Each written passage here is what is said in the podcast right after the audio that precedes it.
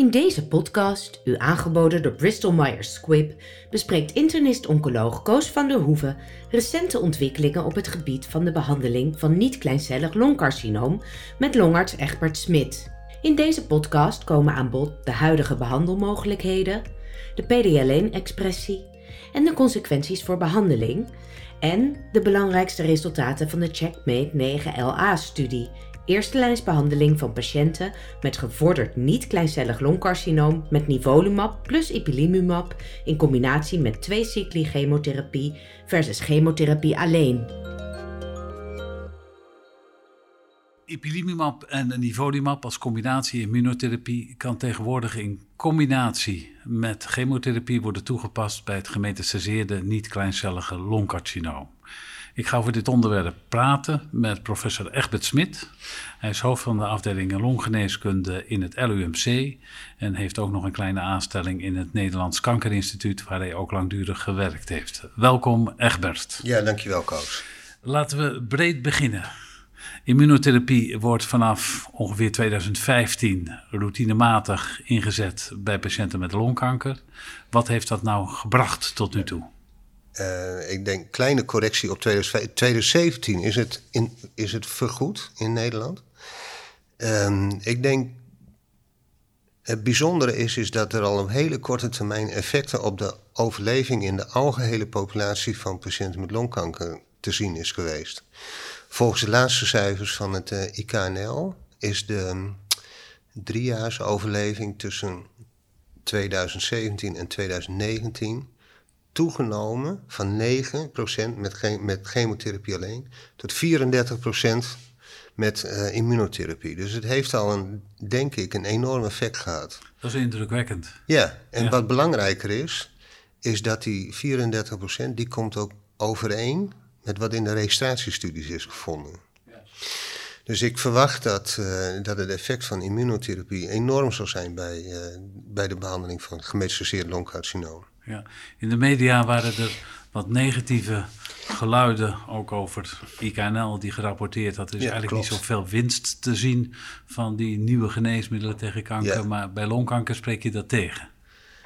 Nou, uh, het uh, artikel waar je op doelt, uh, is dat daarin stond specifiek dat het voor longkanker heel erg tegenviel, ondanks de introductie van 19 nieuwe medicamenten voor, voor die indicatie. Um, ik, ik denk dat wat niet goed in de media is uitgelegd, is dat dat wat het IKNL gemeten heeft en naar voren heeft gebracht uh, in, die, in die studie die in de JNCI is gepubliceerd, dat ging over de tijd voor de immunotherapie. En dat is heel fijn dat we dat hebben eigenlijk, want dan kunnen we over een paar jaar heel goed zien wat dan het effect van de immunotherapie is geweest. We gaan wat meer in detail op de immunotherapie. Um, immunotherapie, daar is soms de PD-alleen-aankleuring op de, in de tumor of de omgeving een biomarker voor het resultaat van de behandeling, in ieder geval bij longkanker. Wat zijn op dit moment de richtlijnen voor de inzet van immunotherapie bij het gemetastaseerde longcarcinoom? De richtlijnen in Nederland en recent ook um, is dat niet anders in de nieuwste richtlijnen van de ESMO voor het uh, gemetastaseerd niet-kleincellig longcarcinoom is dat dus behandeling uh, met immunotherapie geïndiceerd is, met immunotherapie alleen geïndiceerd is voor mensen met een PD-alleen tumor proportion score van meer dan 50%. Ja. En bij minder dan 50% is dat een combinatie van chemotherapie en immunotherapie. Ja. En bij die uitspraak wordt er geen onderscheid gemaakt tussen de verschillende uh, eh, PD1 of PDL1-remmers. Nee. Nee. En als er helemaal geen aankleuring is? Dan is er nog een indicatie voor een combinatie van chemotherapie en immunotherapie. We spraken er net al een klein beetje over, over de studies en de real world. Is er een real world register over effect van medicatie of immunotherapie speciaal bij longkanker in Nederland? Um, er is geen real world register in de zin van een formeel register. Er wordt in het DICA uh, wel geregistreerd of mensen een behandeling kregen met immunotherapie, maar de uitkomsten daarvan worden slecht bijgehouden. Ja, ja. Oké, dus daar is nog meer te, te behalen eigenlijk. Nou ja, als je van mening bent dat er een real world register moet komen, dan is er meer te behalen. Ja. We gaan uh, praten over ipilimumab en nivolumab in combinatie met chemotherapie. Mhm. Dat is geregistreerd in 2020. Het is een positief uh, uh, bomadvies uit 2021 en er is een vergoeding vanaf 2022. en dat is allemaal gebaseerd op de Checkmate 9LA-studie. Correct. Kan je die aan mij uitleggen? Ja, Checkmate 9LA, die um, randomiseerde mensen tussen chemotherapie, twee cycli, met daarbij aan toegevoegd een combinatie van nivolumab en ipilimumab. En de comparator was een standaardarm, is natuurlijk niet helemaal zo, maar de comparator was chemotherapie alleen. Ja. Um, een beetje anders dan alle andere registratiestudies die we hadden voor immunotherapie, omdat daar um, veelal lange chemotherapie werd gegeven, gewoon een standaardbehandeling, via zes cycli chemotherapie, eventueel nog maintenance chemotherapie, en met daaraan toegevoegd een uh, uh, immunotherapie. Ja. Die Checkmate 9LA die komt eigenlijk voort uit Checkmate 227. Dat was een studie waarin immunotherapie werd vergeleken met chemotherapie. En wat er te zien was. Ik vond, ik vond echt, dit vond ik nou echt een hele goede studie in opzet. Wat daar te zien was, is dat er oversterfte was in de immunotherapiearm gedurende de eerste twee, drie maanden. Ja. En dat effect hebben ze weg willen nemen met die toevoegen van de chemotherapie. En uh, ja, als je kijkt naar de resultaten van die studie, nog even wat discussie over de uh, comparator maar is dat een hele uh, positieve studie? Ja, uh, je benoemt een hele mooie studie. Kan je iets zeggen over de, de feitelijke uitslagen, over PFS, OS? Ja, ik denk één is, uh, wat goed is op te merken, is dat het een grote studie was. Er waren meer dan 700 uh, mensen gerandomiseerd. En er was een verschil in de objectieve responsrate. 38% in de experimentele arm, dus met immunotherapie toegevoegd. En 25% met de, met de chemotherapie alleen. Ja. En de mediane duur van de, van de respons, van die mensen die dus een respons hadden, was meer dan 11 maanden, vergeleken met vijf maanden. Dat is wat we normaal ook zien bij immunotherapie. Ja. Kijk, het belang van die studie zit er natuurlijk in de staart, hè, want zo gaat het bij uh, immunotherapie. Dus de uh, mediane overleving in de experimentele arm, die was uh, 16,8 maanden, vergeleken met 9,8 maanden in de chemotherapie alleen arm. En de hersenratio voor die patiënten die een wat hogere PD-L1-expressie hadden, die was um, uh, 0,62. Ja. En het bijzondere van deze studie is dat de hersen voor overleving gelijk was tussen patiënten die een hoge en een lage PD-L1-expressie hadden. Dus PD-L1-expressie was niet van invloed was op geen predictieve factor voor overleving. Ja. En dat is, in, dat is in tegenstelling tot alle andere studies die we tot nu toe hebben gezien met immunotherapie, waarbij het effect op de overleving groter werd naarmate de PD-L1-expressie hoger was in de tumor. Ja. En een verschil in overall survival dat, uh, dat aanzienlijk is, dus belangrijk. Uh, mensen die deze studie beoordelen en naar de Nederlandse situatie kijken, die zeggen ja, eigenlijk is de standaard op dit moment voor het merendeel van de, eigenlijk voor alle patiënten immunotherapie. Als de PD-L1-expressie meer dan 50% is, en voor de andere groep combinatie uh, immunotherapie en chemotherapie. Dus eigenlijk is de, de standaardarm in deze studie Ja. niet vergeleken met wat, Dat klopt. wat er in Nederland gangbaar Ja. is. Ja, dat klopt. Ja. En hoe, hoe duid je dat? Of, Ja, ik, ehm, kijk, die studie is ook ontworpen in een tijd dat het misschien allemaal nog niet helemaal duidelijk was of chemotherapie, eh, welke rol dat precies had en of chemo-immunotherapie, welke rol die precies had. Maar het is ontegenzeggelijk zo dat je het nu moet doen met eh, cross-trial vergelijkingen. ja. En dat je moet kijken naar, ja, wat was de uitkomst in de registratiestudies van die zaken die wij heel veel geven. Bijvoorbeeld eh pembrolizumab of nivolumab als single agent Ja, in de hoge expressors. En ehm chemo-immunotherapie bij die mensen met een PD-alleen-score lager dan 50%. Ja, dat is een eh, ge- gevaarlijke bezigheid, om het zo maar eens te zeggen. Hè. Dat mag eigenlijk niet. En eigenlijk is dus deze studie geeft dus niet direct een antwoord op de vraag van ja, moeten we nou voor alle patiënten met gemetastaseerd longkanker deze nieuwe combinatie inzetten? ja.